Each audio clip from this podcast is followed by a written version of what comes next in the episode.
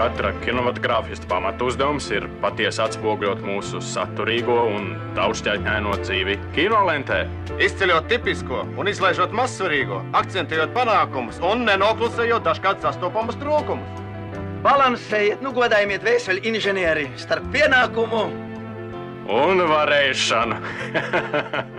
Pie jūras klimats par kino.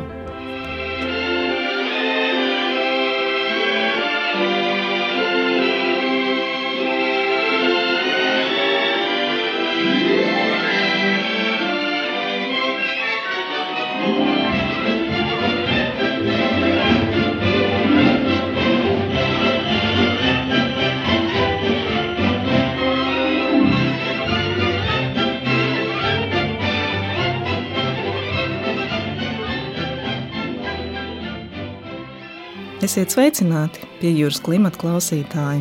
1946. gada pašā sākumā uz ekrāniem iznāca nu jau par Ziemassvētku kino klasiku kļuvusī Franka Kapras filma Šī brīnišķīgā dzīve, kas tolaik tika nominēta Oskara balvai piecās kategorijās. Tā ir skaitā kā labākā filma un labākais aktierdarbs. Filma vēsta par krietno mazpilsētas puisi Džordžu Beiliju, kurš visu mūžu atteicies no saviem sapņiem citu labā. Pēc labākās sirdsapziņas, vadot no tēva pārņemto kredītkompāniju, viņš izpalīdzējis daudziem, bet pats pie turības tā arī nav ticis. Tomēr kuplā ģimene spēj sniegt arī neskatoties uz caurvēju vecajām mājām. Pašā Ziemassvētku priekšvakarā visneveiksmīgākās apstākļu sakritības dēļ Džordžam Bēlijam vairs nav spēka stāties pretī grūtībām un izmisuma mākts. Viņš dodas uz tiltu, lai darītu dzīvē galu. Tur viņu sagaida sargeņģelis, aizkustinoša veca vīra paskatā, kurš sniedz iespēju ielūkoties dzīvē, kāda tā būtu bijusi bez Džordža. Šī brīnišķīgā dzīve ir teju kā Čārlis Dikensa klasiskā darba Ziemassvētku dziesmu apvērstais variants. Džanīna Besingera, kas sarakstījusi grāmatu par filmas tapšanu, The It's a Wonderful Life book intervijā žurnālam Vanity Fair atceras, ka laikā, kad kapras filma iznāca uz ekrāniem, tika svinēti pirmie pēckara Ziemassvētki, un cilvēkiem ļoti bija nepieciešams kas pacilājošs un uzmundrinošs. Lai gan filmas fināls ir tālu no traģēdijas, tās varoņiem nākas izturēt nevienu pārbaudījumu, kam, acīm redzot, tā laika skatītāji nejūtās gatavi, un filmas kases ieņēmumi nebūtu nebija iepriecinoši. Tomēr pēdējos gados, īpaši pēc tam, kad mainījās filmas autortiesību status un tā kļuva brīvi pieejama skatītājiem, šī brīnišķīgā dzīve piedzīvojusi otro, daudz lielākas popularitātes vilni. Filma ar Džeimsu Stjuartu, Džordžu Beiliju lomā, Donu Rīdu kā viņa sievu Mēriju, Lionelu Berimoru, kolorītā ļaundaru Mr. Pottera lomā un citām atpazīstamām sejām vismaz ASV, ietilpst tradicionālajā televīzijas svētku dienu repertuārā, pateicoties tās spējai aizkustināt un uzrunāt jebkuras paudzes skatītājus. Seansus bieži ievada Karolīna Graimsa, kas tēloja pašu mazāko Džordža Beilija meitiņu Zuzu, un kam filmā pieder leģendārā frāze: Katreiz, kad noskan zvaniņš, kāds eņģelis tiek pie spārniem. Atzīmējot filmas 75. jubileju, uz sarunu pie jūras klimatā aicināja kino publicisti Zāni Cēnu.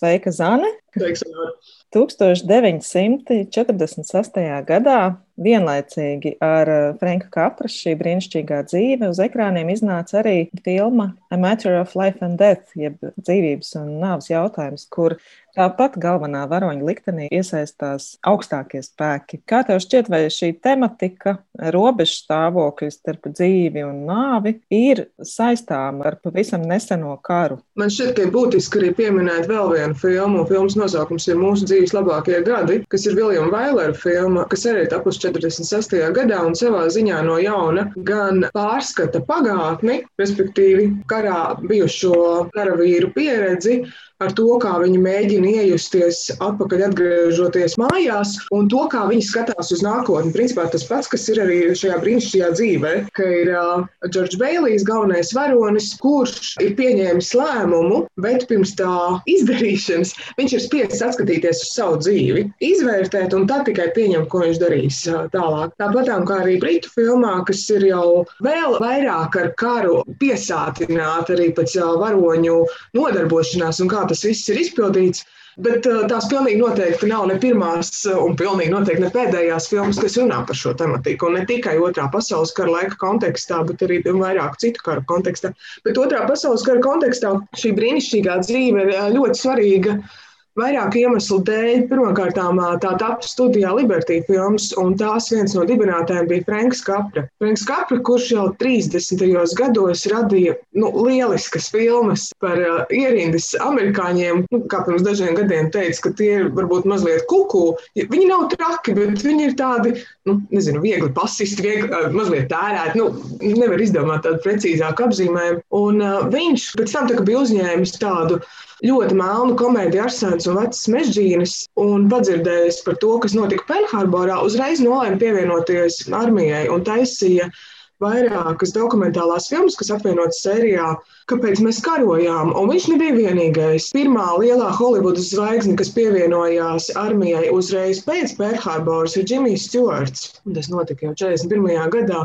Un viņiem abiem bija ļoti grūta, smaga, traumatiska pieredze. Džeims Stjorts arī kļuva par visvairāk apbalvoto Holivudas aktieri, kurš turklāt pēc kara beigām nepameta dienestu, bet bija vēl aktīvs vēl vairākus gadus. Viņš bija gan pulkvedis, gan vēl augstākos amatos. Un viņiem abiem pirms tam piedaloties un veidojot tik ļoti daudzas tādas sirsnīgas, nostalģiskas, jautras, humora pilnas filmas, šī kara pieredze bija pārāk smaga, lai lai atgriežoties Holivudā, turpinātu strādāt jau labi zināmās sistēmas ietveros. Un tieši tāpēc tika dibināta studija Liberty Films, kur uh, bija četri dibinātāji. Franks Kapra bija viens no tiem. Tāpat tā bija arī Viljams Vēlers, Džordžs Stevens un uh, vīrs vārdā Samuels vai Briskins, producents. Un tad viņi nolēma runāt par uh, mazliet savādākām tēmām nekā Holivudā ierasts. Arī jau pieminētā filma uh, Mūsu dzīves labākie gadi. Džimijs Stjorts tajā brīdī, kad atgriezās mājās no kara, moderniem apzīmējumiem runājot, cieta no pēctraumatiskā stresa sindroma. Vispār bija nolēmis atgriezties pie saviem vecākiem, strādāt uh, veikalā un nekad mūžā vairs nesaistīties ar Holivudu. Un tad viņam piedāvāja filmēties šajā stāstā, kas uh, uz papīra sākumā izskatījās pavisam cits. Sākumā ne viņam bija domāta tā galvenā loma. Tā, kad filma bija uzņemta, un līdz pat mūža galam gan Franks Kapra, gan Džeims uh, Stjorts šo filmu uzskatīja par savas karjeras būtiskāko sasniegumu, un tam ir ļoti daudz iemeslu, kāpēc.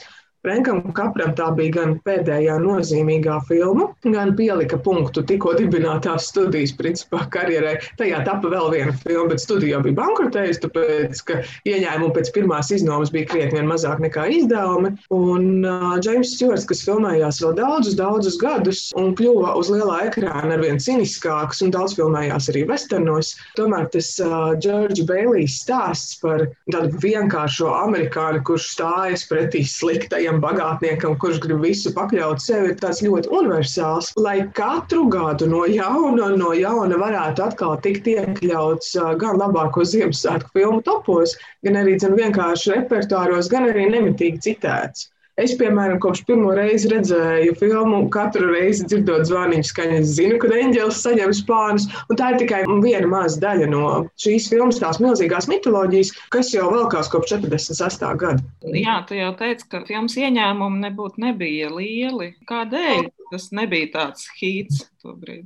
Es neesmu skatījusies, kas, piemēram, iznāca tieši tajā pašā brīdī kino iznomā, kas vienmēr ir būtiski redzēt Holivudas filmu plānošanu.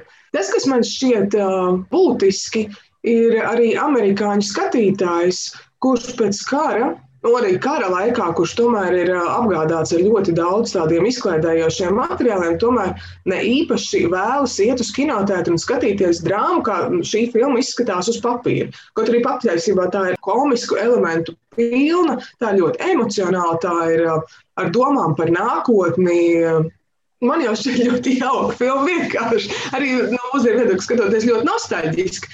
Bet uh, iet uh, uz filmu, kurai anotācija varētu būt par vīrieti, kurš grasās ielikt upē, un tad viņi izglāba eņģeļus. Nu, es nezinu, cik es, nu, izlasot šādas rindas, gribētu iet uz kino. Es pieņemu, ka tas ir viens no stāstiem. Otrs stāsts, tas, ka arī dzen, publicitāte, kas pavadīja abus šos uh, vīrus, gan kapru, gan stjuartu kara laikā, viņus arī nepadarīja par tādām milzu lielām zvaigznēm, bet viņu vietā jau bija stājušies citi. Un tāpat laikā arī dzen, ir jāņem vērā, ka karš būtiski iezīmēja arī Holivudā visādas līnijas, jo arvien biežāk pieprasīja tādus realistiskākus tēlojumus, realistiskākus stāstījumus. Un šī brīnišķīgā dzīve iekļaujās šajos realistiskajos stāstījumos.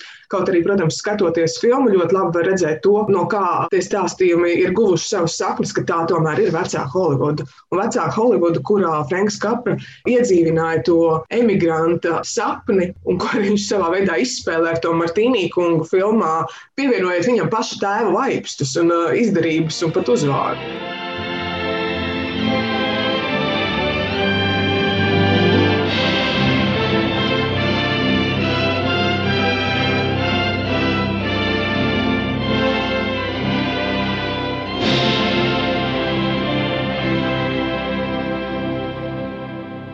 Filmas galvenajam varonim, Džordžam Bēlijam, šis eņģelis dod iespēju ieraudzīt viņa dzimto pilsētu tādu, kāda tā būtu izveidojusies bez Bēlīja līdzdalības. Un uh, kino literatūrā šis pilsētas tēls tiek salīdzināts ar filmu Nāri. Tie ir spēļu nami, Lombardi, erotizēti sieviešu tēli. Kādu tu redzi šīs filmas vēstījumu pēckara amerikānim? Un turklāt mēs vairākās lomās redzam arī filmu noāra aktierus. Vai tas ir kaut kāds pavērsiens, teiksim, tādai maiņai no filmu noāra uz kaut ko daudz tuvāku realitātei un, un pozitīvāku? Man šķiet, ka tas ir vispār saistīts ar to, ko Holivuda sāka darīt, ka palika realistiskāk atsevišķos žanros. Es nerunāju piemēram šobrīd par mūzikliem vai westerniem vai tam līdzīgi. Bet uh, par pieminēto vidi tā šajā brīdī ļoti konkrēti norāda, kas būtu, ja būtu.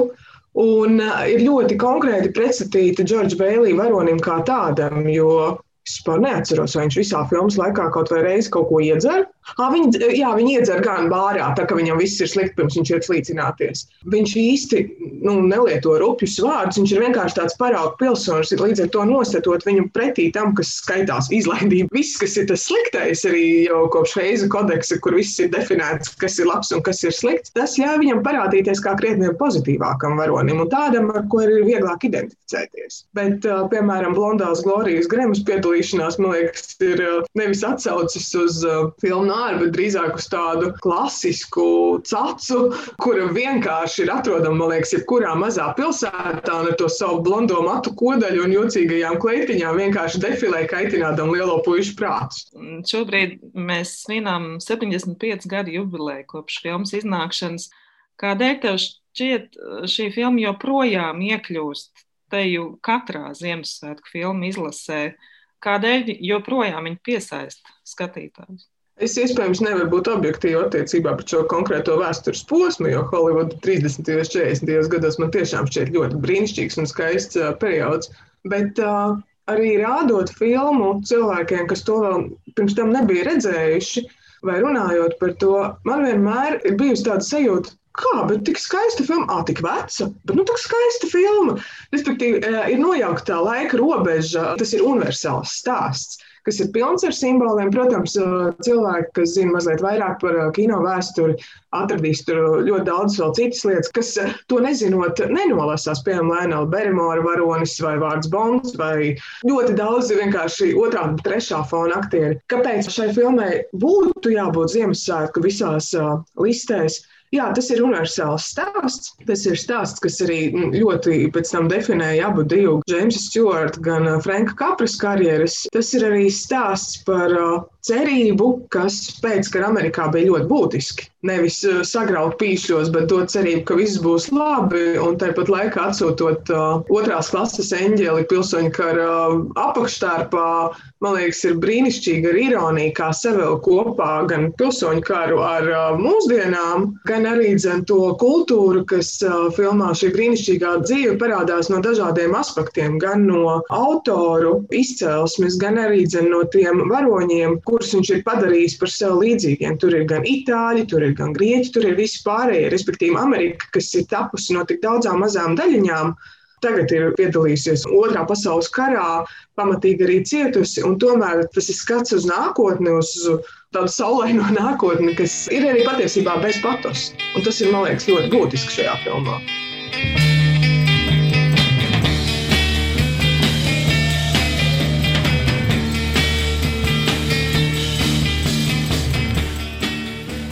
Gadu mijai tik ļoti piestāv dažādas izlases, saraksti un topi, ka divus no tiem pieminēšu arī šodien. Mūzikas apskatu vietnē Pitchfork publicēta divi saraksti. Viens ar 50 visu laiku labākajiem filmu skaņu celiņiem, un otrs ar labāko filmu oriģinālu mūziku. Pitchfork izlases ievadā lasāma saruna ar kino mūzikas atlases pāraudzītāju Kerīnu Ratmenu, kas piedalījusies skaņu celiņu izveidē tādām filmām kā Kventina Tarantino Lubene, Baza Lurmana Romeo plus Džulieta un Mulena Rūža, kā arī Paula Tomasa Andersona naktas bugijas stilā. Kā lielākos sava darba izaicinājumus Ratmena min vienošanās procesu ar mūziķiem un tiesību turētājiem, atminoties kaut vai gadījumu, kad kāds reliģios Stilers Vīlu grupas dalībnieks nav vēlējies, ka viņu skaņdarbs tiek izmantots auss nogriešanas ainā filmā Trakie suņi. Tādos brīžos viss bijis atkarīgs no tā, cik pārliecinoši un selektīvi viņa spējusi izstāstīt filmas ideju un stāstu.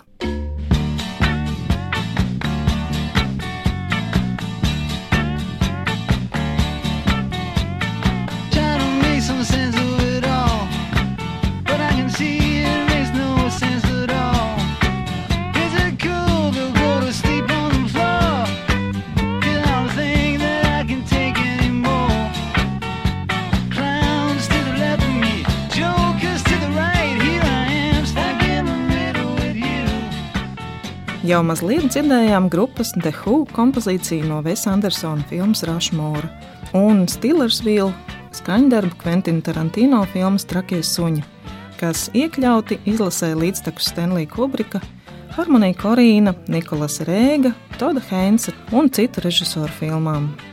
Gaišu atmiņu mūžīgais starojums, krauklis, vilcienu vakte, mūsdienu apakalipse – Šo un citu izvēlēto filmu mūzikas izlases mēdz dzīvot arī teju no filmām neatkarīgu dzīvi. Pitchfork rūpīgi sastādītie topi, ko pavada nelieli apraksti, var kalpot kā ierosme gan pieminētās mūzikas, gan filmu iepazīšanai.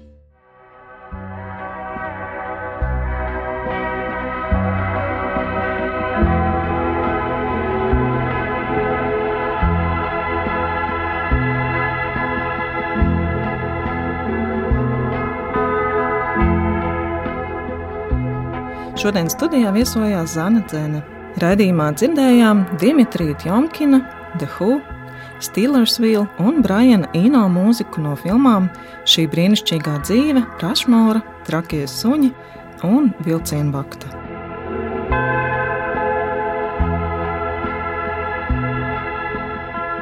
Pie jūras klimata vadīja Sonora Broka un Monteja Judīta Bērziņa. Raidījums tapis ar valsts kultūra kapitāla fonda atbalstu.